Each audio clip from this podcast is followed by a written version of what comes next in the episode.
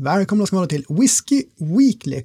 Det är sällan vi ser veckor med så här mycket whisky som jag verkligen vill köpa. Det är grymma släpp i princip rakt igenom. Helt fenomenalt. Och ja, häng med. Vi kommer prova tre av den den här veckan. Och det kommer komma separata provningar också och eh, någon av dem kommer också dyka upp i poddkanalen så håll ögon och öron öppna och häng med för nu åker vi. Mitt namn är Daniel Speyer och med mig som vanligt min kollega Ian Andersson. Eh, ja men eh, hej hej och god afton. Eh, hej hej. hej hej. Hej. Får- se om det blir och se om man kan växla in på pantbanken den här veckan som du säger. Se om man kan växla in några, några gamla överrockar mot ett par whisky eller något sånt där. Liksom. Ja, men verkligen. Som tur är, alla är ju inte superdyra men få är riktigt billiga. Ja, det är sällan whisky är jättebilligt nu för tiden tänkte jag säga. Men ja, det finns prisvärda saker där ute. Det gör det även den här veckan. Ja, eh, vi kan säga de vi ska prova, de kommer vi in på sen som vanligt. Men det är alltså Agitator, Argument Castani, det är Paul Jons julutgåva och det är en 19-årig Kull Ila ifrån Gordon McPhail, Så de blir det mer om sen. Men eh, vad ska vi hoppa in på först tycker du i övriga, övriga släppen? Nej, men vi har ju pratat lite sista avsnitten om det här med special release, alltså Diageos special release-serier. Eh, Så vi har ju två stycken till som kommer då eh, den här veckan. Och ehm, det, det är ju du som är experten på det här tänkte jag säga, som, har- som har provat det. Det har ju inte jag gjort. Utan i det här fallet så har vi då en Royal Lochnager, en 16-årig och en Oban, 12-årig. Här är den officiella foldern Legends Untold. Eh, ja, men precis. Två stycken till ur den. Eh, Royal Loch Nagar kommer jag ihåg ungefär lite grann vad jag tyckte om den. Eh, väldigt intressant för det är just eh, Loch Nagar. För övrigt ena av de två idag kvarvarande kungliga hovleverantörerna av whisky. Den andra är då Brackla. Och det här ser man ju i princip aldrig som en singelmalt. Otroligt sällsynt. Så bara det gör ju att det är häftigt att eh, prova den och även ha i skåpet såklart om man är samlare. Eh, för den är inte billig den här, den här går väl på närmare 2 500 tusen va? Visst var det så? Ja, 2450 riksdaler för en 16-årig whisky. Så att eh, ja, nej, men det är ju en pantbankswhisky. Helt klart liksom. ja. Eh, så här skrev jag. Eh, riktig fruktträdgård med liksom äpplen, apelsin, det var lite cigaretter, lite rosvatten och eh, apelsin sa jag också. Rosvatten, det är inte ofta man hör den i samband med whisky. Var hittar du den? I Royal Loch Nagar. Ros, är inte det så riktigt, riktigt sötsliskig, eh, sån här, eh, ja, arabisk eh, dricka tänkte jag säga. Nej, men du vet, det finns av vatten. Det här finns ju på, på salonger och annat. Man, man har vatten och så är det bara rosblad i för de ligger och laka. Aha, du tänker jag. Okej, okej. Eh, men ja, överlag, alltså den är väldigt söt. Inte överdrivet komplex egentligen, men, men riktigt god. Den här satte jag faktiskt 87 poäng på. Oj, ja det är bra. Ja, men det är ju också, det blir ju en väldigt speciell whisky så att skulle jag prova den blint hade den kanske varit 84 eller någonting. Men liksom det är Royal Loch Nagar, man blir lite mer begeistrad som nörd att åh, det här är liksom udda speciell whisky.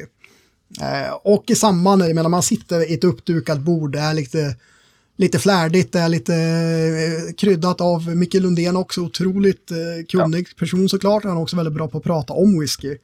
Eh, och jag har sagt det förut, men upplevelsen när man dricker whisky påverkar dig, oavsett om man tror det eller inte, så det påverkar den.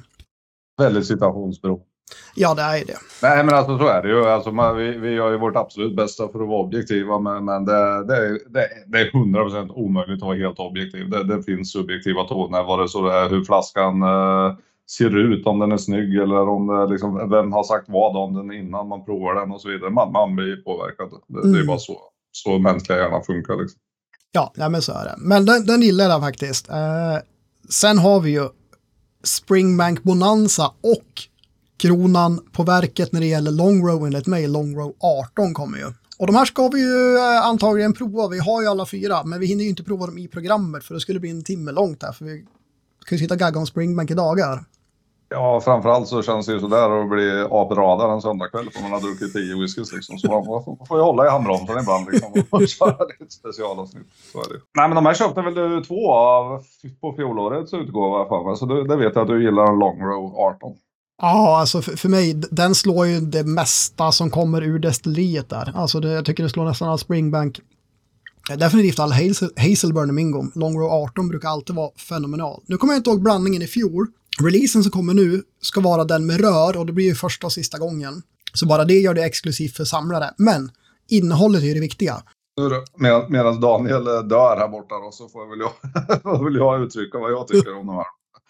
Alltså vi, vi, har ju provat många olika batcher och det ska bli jättekul att prova igenom dem igen. Men, men ehm, eh, när det gäller Springbank och Longrow, ja absolut, jag håller med. Longrow 18 är fantastisk. Men just när det gäller Springbank så är jag i, i det laget som tycker att de här lite yngre Springbank faktiskt överstiger de lite mer ålderstagna här. Liksom. Så att eh, den här som är en 12-årig cast strength, den, den är ju en av mina absoluta favoriter. Har varit i alla fall. Det ska bli kul att sätta den på prov igen mot uh, 15-18-åriga här får vi se. Ja, och uh, den som kommer nu, den är på 55,9 procent. Jag tänkte säga, jag köpte ju den här på båten. Nej, på mm. bolaget. Det var ju på, på bolaget jag köpte den. Det kommer en till 12-årig cast strength nu alltså. Ja. Uh, som är på 100% bourbonlagring. Mm. Springbank 15 däremot som kommer, den är på 100% cherry och det är ingen cask strength, för det brukar de inte ha på den. Den är 46%. 18-åringen 50-50, bourbon cherry 46% som vanligt. Long row 60% cherry, 30% bourbon och 10% chardonnay. Mm. Just Nej, men det blir ju intressant. Det visste jag faktiskt inte. Att prova bara bourbon och bara sherry då. För det brukar ju alltid vara blandat. Och sen är det mer eller mindre av den ena liksom. Men uh, ja, kul. Ja, eller hur. Uh, Torvan 799, 15-åringen 919. Springbank 18, 14, 49 och uh, Long Row 14, 45. 4 kronor rabatt jämfört med Springbank. Mm. Ja, men där, de två emellan så vågar jag nog gissa på vilken som vinner faktiskt. Eh, men det, det, får vi se. Det får vi se när vi spelar in avsnittet. Jag vågar gissa i alla fall. Men det är faktiskt inte bara Springbank-fans som har skäl att fira. Det finns ju även Ayla-fans som kan fira rejält nu när Ardbeg 25 kommer tillbaka. Och inte nog med det, de kommer med en single cask som är exklusiv för Sverige om jag minns rätt. Uh, ja, det får stå för dig där tänkte jag säga. Det, det vet jag inget om. Jag, jag vet bara att det är en singelcast från uh, 2009. Uh, Kask nummer 3770 för rara riksdalarna 5590 styck. Ja, så den är som ja. vanligt inte gratis någonstans. Säkert jättegod, värd pengarna. Ja, nej. Det, det, finns ingen Nej. whisky som kostar så mycket som är värd pengarna egentligen. Man måste bara ha en tillräckligt stor plånbok för att öppna flaskorna. Ja, Ardbeg 25 ligger då på en krona blyg om 8000 då, så 7999. Mm. 25-årig whisky. Det är inga dåliga slantar heller. Nej, verkligen inte. Är, de är sällsynta och väldigt dyra de här flaskorna, så kan vi säga. Men är man Ardbeg-fan, det här är ju det mest exklusiva vi har sett hittills i år ifrån Ardbeg på Systembolaget skulle jag väl säga. Mm. Men uh, utöver det här hör du, uh, förutom det vi ska prova då, så, så är det ju, det, det, kommer lite annat som vi inte nämner idag, men det är, det är antingen dyra saker eller saker vi inte vet så mycket om. Så att vi släpper dem. Eh, uh, ber om ursäkt om det är någon som hade velat hört något mer, men så är det. Eh, däremot så kommer ju en eh, som några har som lite årlig favorit och det är ju Douglas Langs den här Big Pete som kommer nu då. Men här står det faktiskt inte att det är någon Christmas edition, så det, det kanske kommer sen med. Utan det, det är en, en, en, blended whisky från, från då Big Pete och Douglas Lang.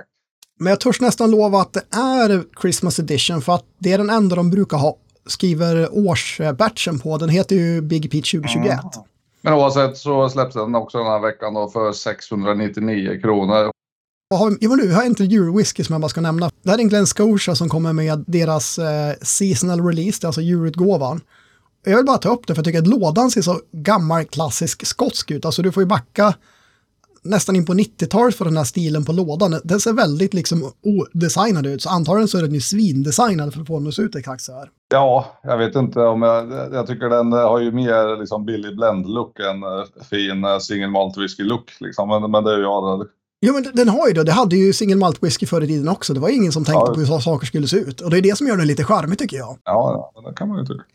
Eh, och den är First Fill Bourbon och eh, American Oak Hogsheads och sen är det finish på 12 månader i First Fill Oloroso och hårt korade amerikanska ekfat. Så att eh, jag tror den här kan vara rätt häftig och skjut mig inte nu om jag har fel igen, men jag är rätt säker på att vi har ett sample på den här att hämta på posten. Så att den kommer väl eventuellt dyka upp också då här i kanalen. Ja, det, det, får jag hoppas då. Nej, vi får hämta ut dem i veckan och kolla. Jag ska inte skjuta det oavsett, jag lovar. Men vad fint. Men Ian, sitter du och är törstig nu eller? Ja, jag, säger, jag fejdar bort här lite. Jag har kört ner nosen här i första whiskyglaset så jag har tappat totalt tråden över vad du pratar om. Står det agitator på det? Inte på glaset, men flaskan som jag hällde ner i, det där står det nog på. Argument kastanj, agitator. Härligt, härligt. Det är alltså återigen agitators, nu är det andra släppet, men det är ju fortfarande väldigt nytt destilleri. Eh, och eh, argument kastanj, vad är då det då? Det är 70 centiliter, 46 procent, 599 kronor. Där är vi grunden på plats. Och kastanjen då, vart kommer den in i bilden igen?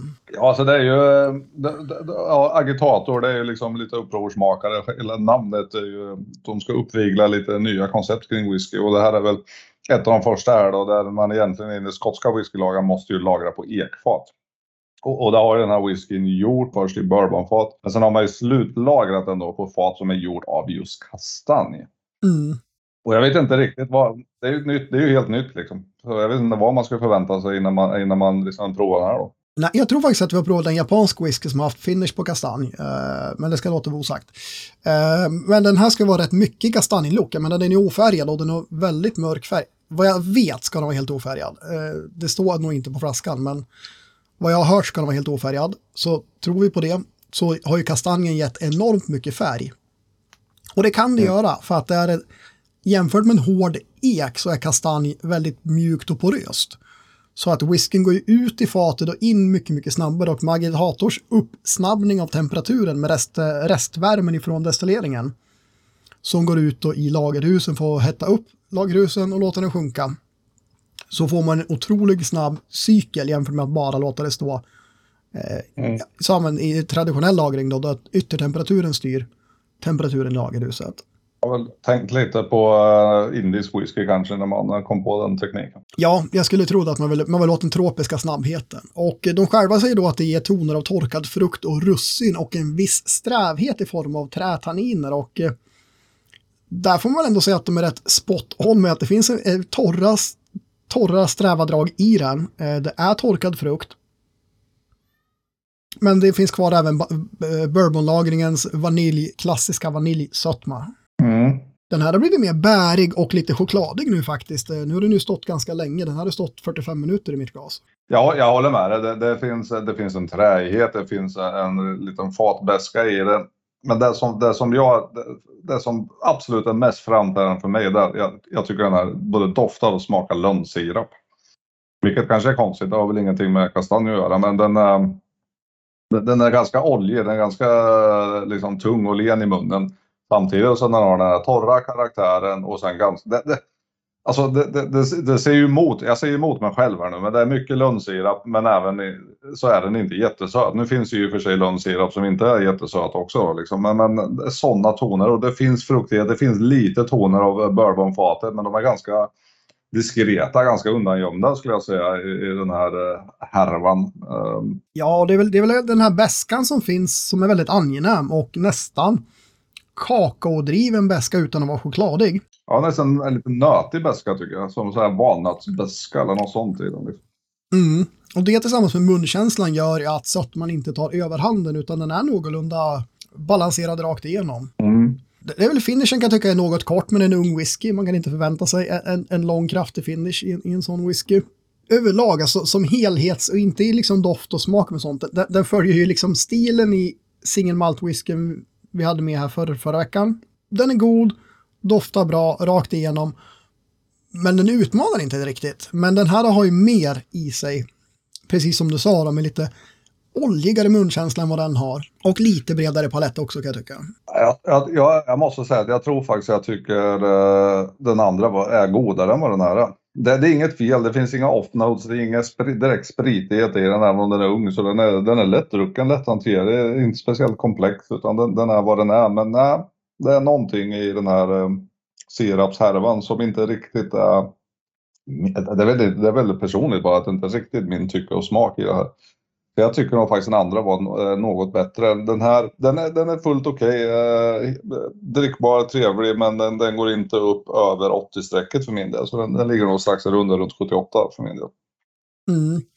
Eh, den här landar nog ja, 79-80 men jag satte 80 på singelmalten förra veckan. Jag tycker faktiskt också att den är lite, lite bättre du landar på 78. Så ja, inte riktigt uppe i våran 80-nivå, men eh, nästan.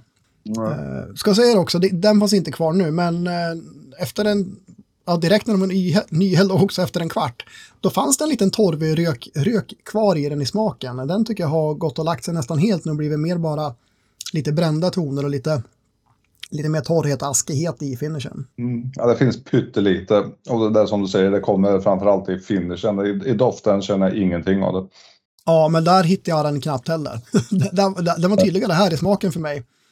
Än vad den var i den nej. faktiskt. Nej, det var så var det nog inte för min Men fortsätt experimentera, fortsätt testa, det är häftigt. Ja, herregud. Jag menar priset. Nu är den, nu är den här dyrare än den förra. Men ändå 5,99 för 70 centiliter svensk whisky på 46 procent. Det kan man inte klaga på. Nej, nej, det är helt okej. Men vi springer väl vidare mot julen va? Och det blir indisk jul det här året. Ja, jag föredrar ju att man är tidigt ute med julwhisky sen med julpynt och låtar i alla fall, det måste jag säga. För den här var trevliga grejer. Ja, fruktansvärt trevlig och eh, det går inte att ta miste på när man ser röret på den här. Det är alltså på något sorts ekbord har de lagt eh, förgyllda kottar och blad och annat. Eh, så det ser ganska ljuvligt ut med snöstjärnor och annat på också. Så att ingen tvivel om vad det är för sorts utgåva. Det är djur. Själva whiskyn då? Det, det är Polion, det indiska sexradiga kornet som de brukar använda, de indiska maltdestillerierna. Den är lagrad på ex-bourbon och port och madeirafat, olika port och madeirafat. Och lätt rökt malt. Det står inte vad det är för andel eller så i den. Är all malt rökt så är den väldigt lätt. Jag tror bara att det är en portion av malten som ingår som är rökt. Alltså jag, jag gillar ju Paul Jag, jag har alltid favoriserat Polian li, lite eh, högre faktiskt än Amrut. För jag tycker de eh, har mer balanserade, lite mer lågmälda toner jämfört med Amruts kanske ganska extrema smaker så att säga. Och jag, jag tycker även den här har ju liksom från en näsa ända ner till eh, den landar ner i stortån liksom. Så är den, det är harmoni, det är balans, det är trevlig upplevelse. Liksom. Jo men det är det. Och näsan på den här jag, jag, tycker den är så jädra... Den är, den är god verkligen och den är bred. Det här är något man kan dofta på länge för den, den doftar så jävla gott alltså. Ja, eh, vi satt och diskuterade lite. Det tog ett litet tag att kunna komma fram till exakt vad jag tycker den, den doftar och faktiskt smakar också. Jag tycker doften och smaken är ganska lik i den här. Men vi var båda ganska överens om att apelsin är något som sticker ut och jag, jag känner att det är en mer marmeliserad, alltså marmeladaktig ton för den liksom söta, söta apelsiner. Eh, men dessutom så finns det en syra och där, fick jag pilla lite i hjärnan. Men jag kom fram till att det, det, liksom, det, det är sura kola, vad heter det, kolanappar heter det Sådana kolaflaskor. Ja, kolaflaskor tror jag de brukar vara. Ja, så lite färska syrliga kolaflaskor tillsammans med apelsinmarmeladen. Och det är helt, helt magisk kombination måste jag säga. Jag tycker den här är ja. fantastisk. Ja, men det, det doftar jättegott. Jag tycker också det finns eh, en, en väldigt ljus chokladton. Jag sa det brukar vara sån choklad som man kan få som är nästan så här hyvlad som man kan få på restaurang ibland. Sån, sån choklad har jag. Och så är det en maltighet, vad jag säger är maltighet, för det doftar inte skotsk maltkropp. Men jag tror att det är den indiska maltkroppen från det där sexradiga kornet som kommer igenom. Och det blir jädrigt gott alltså. Nej men den är, den är lite maltig, absolut. Det är lite, jag brukar ofta tycka maltighet påminner mig lite om någon sorts havreupplevelse på ett eller annat sätt. Och det är ofta där jag kopplar till maltighet. Det är mer åt Scots grain, liksom sån maltighet tycker jag. Ja, och passar ljuvligt in i den här näsan. Den här doftar faktiskt eh, riktigt inbjudande. Ja, alltså jag vet inte om jag är ovanligt liksom whiskykåt här på en söndag, men den här eh, liksom, det är en flaska för vad sa vi, kostade? Var under 700 spänn, 688 kronor. Ja, 688, 46 procent är den och den här är inte heller färgad eller eh, kylfylld. Men den här, den här skulle jag vilja dricka varannan dag i mitt liv. Så, så god är den här. Den här är helt fantastisk och för det priset, jag är chockad liksom. Ja. Skulle den här kosta över tusenlappen så skulle jag nog vara intresserad av att köpa den då, för den, så bra är den liksom. Och, nej, den, ja, den får 88 poäng av mig den här. För en, en whisky för 668 kronor, det är inte många i världshistorien som har kommit upp i det tror jag. Nej, det här är mm. grym prisprestanda. Vi har inte knappt pratat om vad den smakar förutom att du tycker den är ganska lik eh, näsan. Eh, det som tillkommer i smaken för mig det är just att det kommer in den här lite lätta röken eh, som sitter där. Och lite mer kryddig var den också. Som jag säger, mm. jag alltid hittar indisk whisky. Den kom in lite där i smaken även i den här. Utan att vara den typiska orientalmixen som jag brukar hitta oftare i Amrut. Finishen skapligt lång och är en blandning av ljus choklad och kakao som sitter ganska länge och den är inte kraft, den kraftfulla finishen dör ganska fort, men den där mjölkchokladiga kakaotonen, den sitter kvar länge och munkänslan, den här fyller munnen också. Riktigt härlig är den. Men det, det är ju ganska bra dos fatbäska i finishen med, vilket inte alltid följer med på sådana här snabblagrade indiska whiskys, utan det är, det är en dos beska med som är väldigt trevlig, som blandar sig mm. Som sagt, jag tycker också att röken finns där, men den är ju helt klart en biroll i whiskyn. Men eh, den, och den, eh, den förhöjer smaker och upplevelser och inte någonting annat liksom. Så det, det är lite som att addera salt till maten liksom. den bara förhöjer det som redan finns där. Ja, smörkola skulle jag säga också är i smaken. Den, den, är, den fyller liksom lite munnen också med smörkola. Och den tillsammans med, med som du sa, fatbäskan finns i finishen. Men sen så efter ett tag så är det bäskan som finns tillsammans med den här mjölkchokladen och kakon för mig. Den här är god rakt igenom. Alltså, ja, den här är så grym prisprestanda. Den är den bästa prisprestandan i år. Jag vet att Springbank 12 var, var i närheten där, om det var 87 kanske på den eh, eller någonting. Eh, och den eh, är ju något lite dyrare än den här, men det är i samma klass där.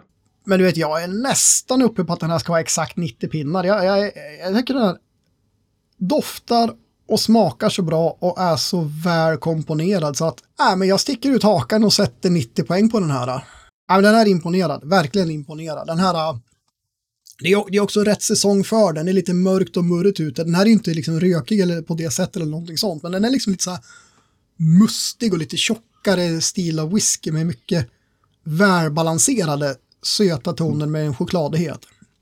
Ja, riktigt bra. Ja, riktigt fin är den. Riktigt, riktigt fin.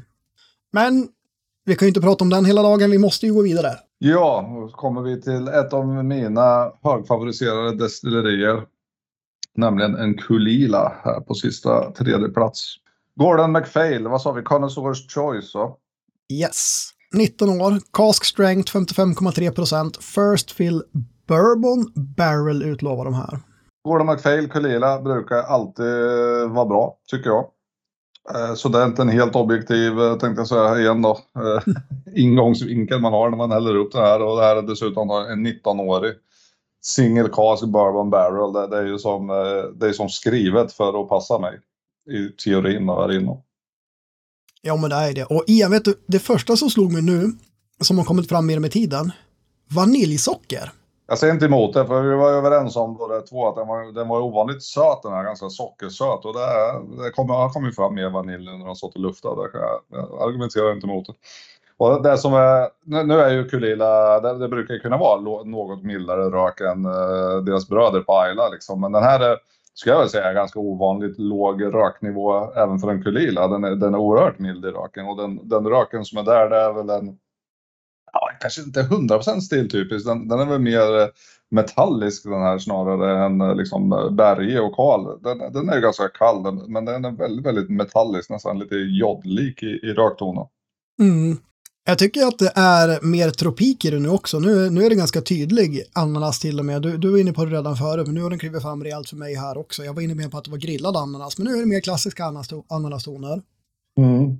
För det är dessutom en liten pepprighet kanske från, eh, ja, det är lite mangoinblandning, den, den har lite svartpepprig ton, så är den lite tropiska. Du, du har den lite mer vanliga med äpple, päron och lite, lite citrus lime.